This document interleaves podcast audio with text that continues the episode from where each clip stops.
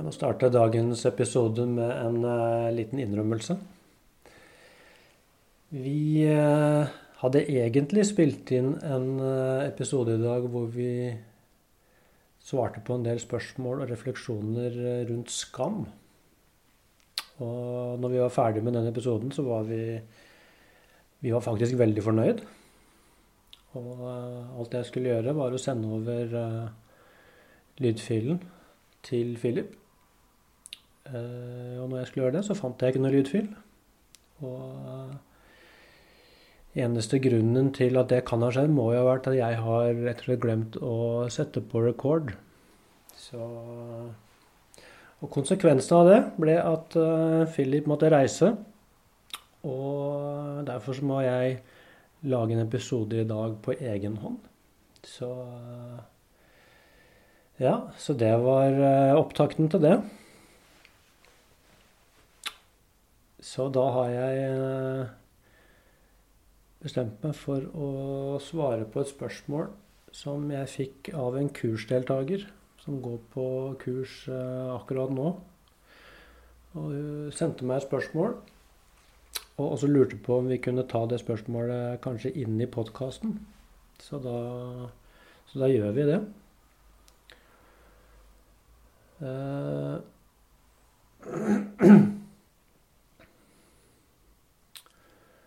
Så denne refleksjonen og spørsmålet kom uh, som en konsekvens av at vedkommende begynte å reflektere over hva som trigget stress i livet hennes. Og også hva som skjer altså i både kroppen og sinnet når stresset først har satt seg. Og da skriver hun at uh, jeg ser at flere av punktene og refleksjonene jeg har gjort på hva som trigger meg, handler om mangel på grensesetting og det å være tydelig. Først ovenfor meg selv. Hva er det egentlig jeg trenger nå? Og så deretter formidle det til andre.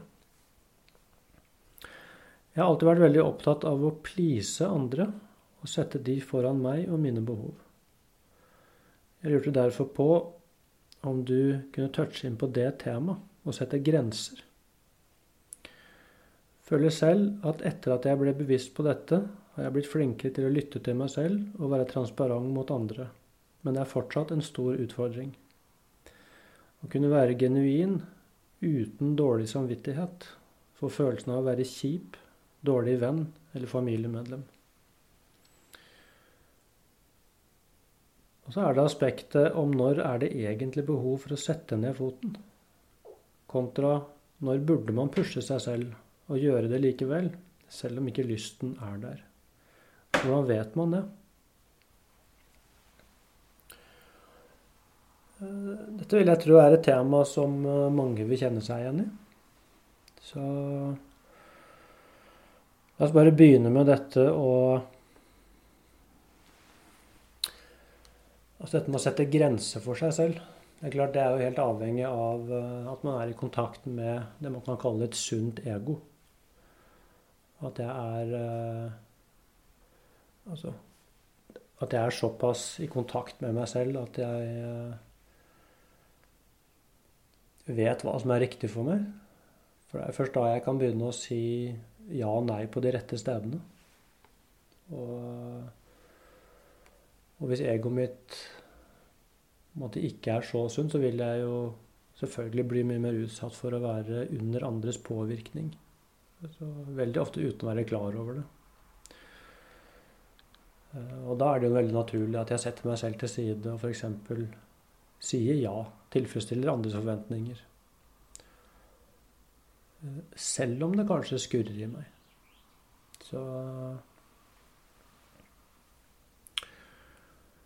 Så det å bli f.eks. klar over dette med å være en pleaser, som det ofte kalles, eller en som eh,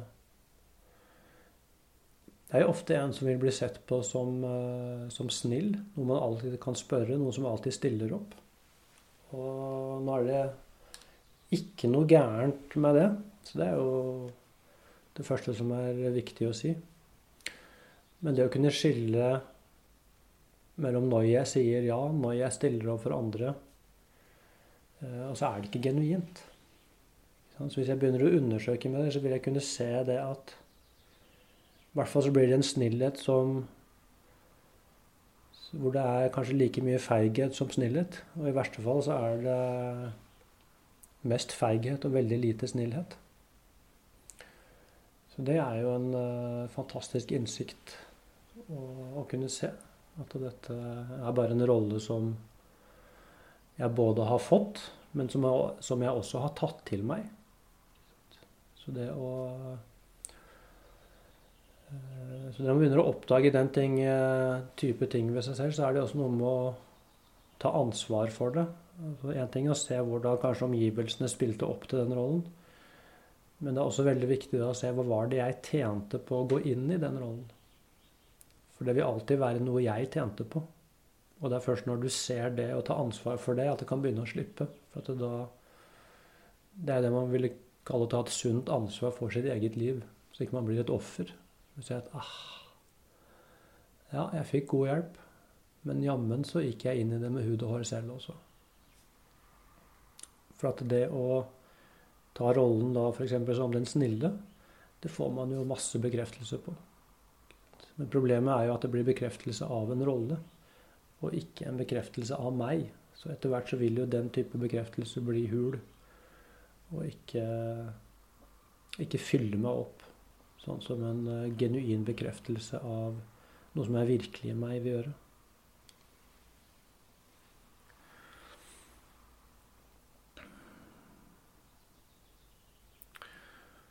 Så det å sette Det å sette grenser for seg selv, altså på en sunn måte, det Jeg skal si noe om det, så er det jo faktisk at det får du ikke til med mindre du kjenner deg selv ganske godt.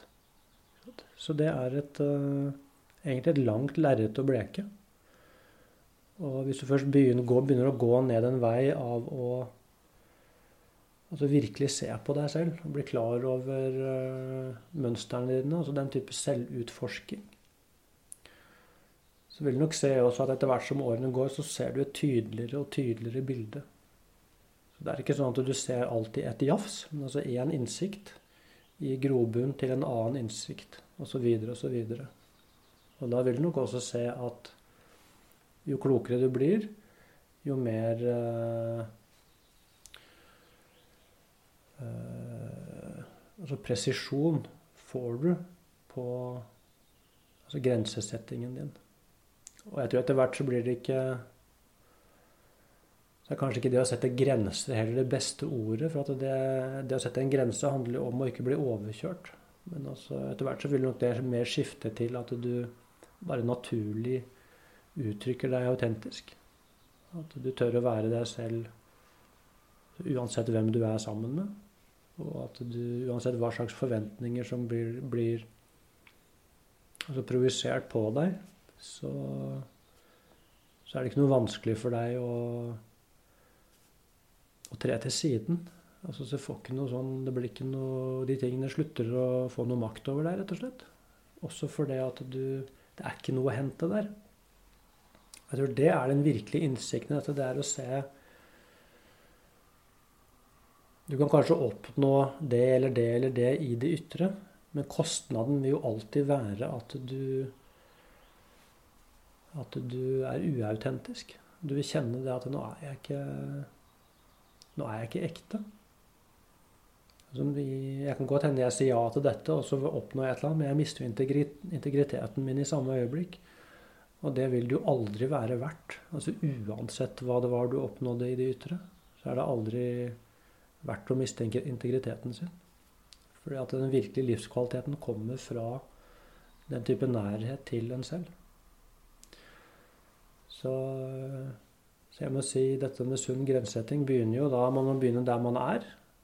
Og så begynne å oppdage dette sakte, men sikkert i eget tempo. Eh, og så er det viktig å huske på da at eh, altså ingen kan være Jeg kan ikke være noe mer ærlig enn enn jeg kan. Så det kan hende jeg ser noe i morgen som ikke jeg ser i dag. Og hvor jeg vil da si at oi, i dag er jeg mer ærlig enn jeg var i går, for i, dag, i, i går så så jeg ikke dette. Så det er også viktig å huske på. Altså den, eh, jeg kan være så autentisk i dag som jeg kan, og ingen kan forlange mer enn det av meg. Så Men det er klart, når du begynner med det, uansett hvor du er, så vil du kjenne det at det At du vil begynne å bryte opp i kontrakter som du etablerte tidligere. Så hvis du undersøker det, så tror jeg du vil se at altså i relasjonene våre så er det kontrakter. Det er ikke det at vi har sittet ned og blitt enige om at sånn er det i vår relasjon. Men det vil i alle relasjoner vil det bygge seg opp forventninger. Og med en gang altså jeg får en høyere selvinnsikt, så vil jo det også måtte måtte spre seg inn i relasjonene mine. Og da kan jeg hende jeg må bryte opp en del kontrakter som jeg, som jeg hadde skrevet. Og det er klart, da vil jo den andre parten reagere. Så hvis jeg alltid har vært en som sier ja, altså hver gang noen spør meg om noe, og så ringer de og ber om en tjeneste og forventer altså å få et ja, helt uten at det er noe problematisk med det, og så sier jeg plutselig nei, så er det klart at den eh, andre personen vil reagere. Og da kommer det jo også an på hvor stor selvinnsikt selvfølgelig det er i den andre enden. Så ofte så er det sånn at jo mindre selvinnsikt det er, desto større drama vil det bli. Fordi at man insisterer på at den kontrakten vi hadde, den skal opprettholdes. Så det er jo ofte ikke da rom for noe særlig endring og utvikling. Og sånne ting er det veldig nyttig å være klar over. For da kan du, da kan du egentlig forvente det. Du kan forvente det at når du begynner å gjøre andre ting i en relasjon, så vil de også reagere på en annen måte, og veldig ofte så blir det negativt. Det er ikke så mange som vil si det at 'Å, så fantastisk at du har begynt å sette sunnere grenser for deg selv'. Så flott at du har begynt å si nei til meg når jeg kommer med mine forventninger. Hvis noen møter deg sånn, så er du uheldig. Da har de en unormalt god selvinnsikt. Så, så jeg tror det kan være greit å forvente at det er utfordrende. Og det at dårlig samvittighet vil dukke opp, det tror jeg også egentlig bare er å forvente. Men det, du, det som vil da være en eh, veldig viktig ting, er jo å sitte ned med den dårlige samvittigheten og virkelig se på den og se er denne følelsen egentlig adekvat. Eller er dette bare en følelse som kommer fra et gammelt mønster? Og det den følelsen egentlig prøver på, er å trekke deg tilbake inn i mønsteret. Så der vil det alltid foregå en kamp egentlig mellom den gamle og den nye personen. Eh, det er klart det er mye lettere å stå i dårlig samvittighet og uro og angst hvis du er klar over det. Du vet at dette er en del av utviklingen. Når jeg bryter opp et mønster, når andre uttrykker sin misnøye overfor meg, så blir jeg usikker. Men den usikkerheten kan du også forstå som nå er det utrolig viktig at jeg bare blir stående. Dette må jeg tåle. Dette er sånn jeg blir sterkere i meg selv. Jeg må tåle å stå i litt uvær nettopp for å bekrefte for meg selv at jeg har den styrken som trengs. Så da blir det Selvfølgelig så er dårlig samvittighet og uro og angst og sånne ting ubehagelige følelser. Men når du ser det på den måten, så blir det ikke utelukkende negativt. Det er ubehagelig, men ikke negativt. Det er en del av utviklingen. Så, så er klart, her blir det jo også Altså en av de ferdighetene man trener mye på i mindfulness, og da kanskje særlig i, i mindfulness meditasjon, det er jo denne evnen til å ta et skritt til siden og observere seg selv. Den ferdigheten blir veldig viktig her.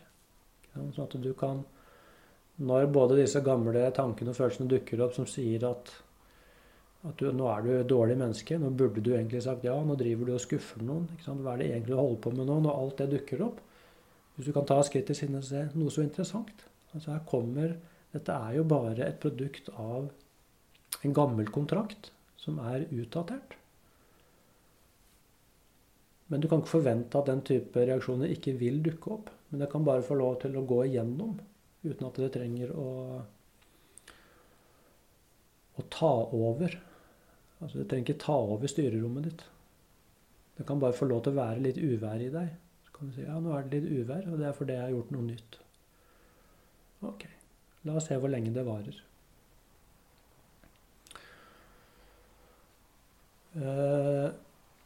Men så kommer jo da det andre, som jeg er veldig glad for at det blir spurt om, og som jo er like viktig i dette. Det er jo dette med at det å sette grenser for meg selv og at det ikke blir uh, altså sånn altså selvopptatt eller selvsentrert på den, si, på den gærne måten. Eller da på en, det som ofte blir kalt en egoistisk måte. Uh, så det vi snakker om her, er jo ikke å Det er jo ikke at jeg bare blir opptatt av jeg, meg og mitt. Og lære meg til å gi blaffen i andre og ikke ta hensyn til deres behov. Fordi at jeg har mer enn nok med meg selv. Eh, vi snakker jo her om noe som går mot en høyere selvinnsikt. Så det er klart at uh, altså Jo nærere du kommer deg selv på ordentlig, jo mer overskudd vil du også få til å bidra til en større helhet. Så det blir jo alle de helhetene du er en del av. Så det blir jo da altså inn i familiestrukturen din, eh, vennene dine, der du jobber, det samfunnet du er en del av og til syvende og sist hele verdenssamfunnet. Så det er klart det er ikke noe genuin selvinnsikt med mindre du også eh, opplever eh, større empati. Og, eh, og, også dette med at jeg kunne sette deg inn i andre sted. Og det å egentlig oppleve, oppleve andres følelser. Det at du kan ta del i andres følelser, og det er selvfølgelig å handle på dem. Eh, og det krever jo da det som kalles diskrimineringsevne. Som jo definitivt også er noe som utvikler seg etter hvert som man uh, får større innsikt inn i seg selv. Og det handler jo da om å skille mellom altså det som er ekte, og det som er uekte. Så, så for eksempel altså sånn hvis noen blir uh, sinte eller frustrerte fordi jeg ikke fyller deres forventning, så vil jo da innsikten kunne se at ok, nå er den personen sint og frustrert og lei seg, men det er jo bare fordi de, de lever egentlig i en utdatert virkelighet. Det er ikke min oppgave å ta hensyn til. Jeg kan ikke sette livet mitt i parentes for det at noen skal eh, leve videre i Altså noe som er en drøm, noe som ikke handler om virkeligheten. Så da må man også tåle å Man må tåle å skuffe andre. Men samtidig så er det noe med å bli værende der og se om Altså kan vi få denne relasjonen opp på et, et høyere nivå? Så kanskje vi kan, så hvis jeg blir stående her og være åpen og tilstedeværende, så bryter jeg jo ikke ut av samtalen.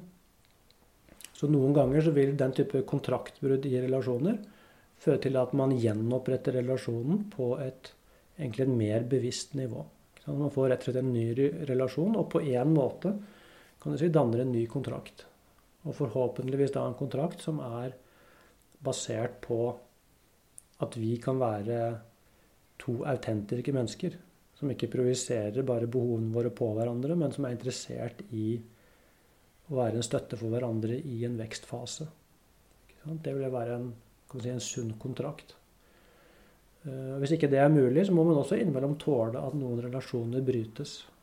Det, det vil jeg absolutt si er en del av, eh, av livet også. Og innimellom, selvfølgelig, så vil det være helt klart at uh, Dette handler jo ikke om å følge lysten sin, men det handler om å følge Altså din indre sannhet. Og det som er sant for meg, det går jo veldig ofte på tvers av lysten min. Så her handler vi egentlig om å nesten bytte kompass. Så jeg kunne gå så dypt i meg selv og se at altså det er klart jeg innimellom, egentlig ganske ofte, altså må, Og så gjør jeg ting som kommer fra et dypere verdisett enn lysten min. Og dermed så vil jeg også gjøre mange ting som ikke er lystbetont. Men du vil se store forskjellen her, det er at det går jo ikke på integriteten min løs. Tvert imot så er det nettopp der jeg bevarer en høyere integritet for meg selv. Så jeg tror der du kan skille mellom uh, når du skal pushe deg og ikke skal pushe deg, så må du, du må begynne å skille mellom hva som kommer av mønsteret ditt, og hva som kommer fra det, det som er genuint ekte i deg. Så vil du se det at hvis du pusher deg eh, men fra noe som kommer fra mønsteret ditt, så vil du oppleve det at det er noe i deg som det skurrer veldig innvendig. Mens eh, når du anstrenger deg på noe som du egentlig vet er riktig, så kan det godt hende du kjenner at du ikke har lyst, og at du er sliten og sånne ting, men du vil kjenne det at det er ikke noe konflikt i deg. Det er ikke noe indre konflikt. Du vet hvorfor du gjør dette, og du vet du gjør det av en god grunn. Men det er ikke sånn at det handler om å please andre, for hvis du ikke gjør det, så blir du så innmari redd. Så det kommer ikke fra den frykten. Det kommer fra et helt annet sted. Så, og det er jo også en ting som eh, Som blir klarere og klarere altså jo mer erfaring man får i dette feltet. Så det kan hende til å begynne med at det vil være litt vanskelig å skille, faktisk. Fordi følelsene kan være så like. Men da må jeg bare igjen henvise dette med at det er ikke noe krise å gjøre feil. Altså, så dette her er noe som man Du blir flinkere til å skille snørr og barter etter hvert som du får mer erfaring. Og etter hvert vil du se det at det er to helt forskjellige rom i deg. Uh, altså hvor det ene er at det, du vil kjenne det at den ja, kanskje si den høyeste utgaven av deg selv, den blir tydeligere og tydeligere. Mens i det andre så blir du bare mer og mer selvsentrert. Så det, er, det ene rommet er egentlig veldig trangt og litt sånn mørkt. Mens det andre er helt åpent. Og det er et veldig lyst rom. Ok. Jeg tror det var eh, det jeg hadde på det spørsmålet. Så eh, da får jeg unnskylde lytterne for denne lange monologen. Men det var det det ble i dag. Så blir det en episode om skam neste uke. Takk for i dag.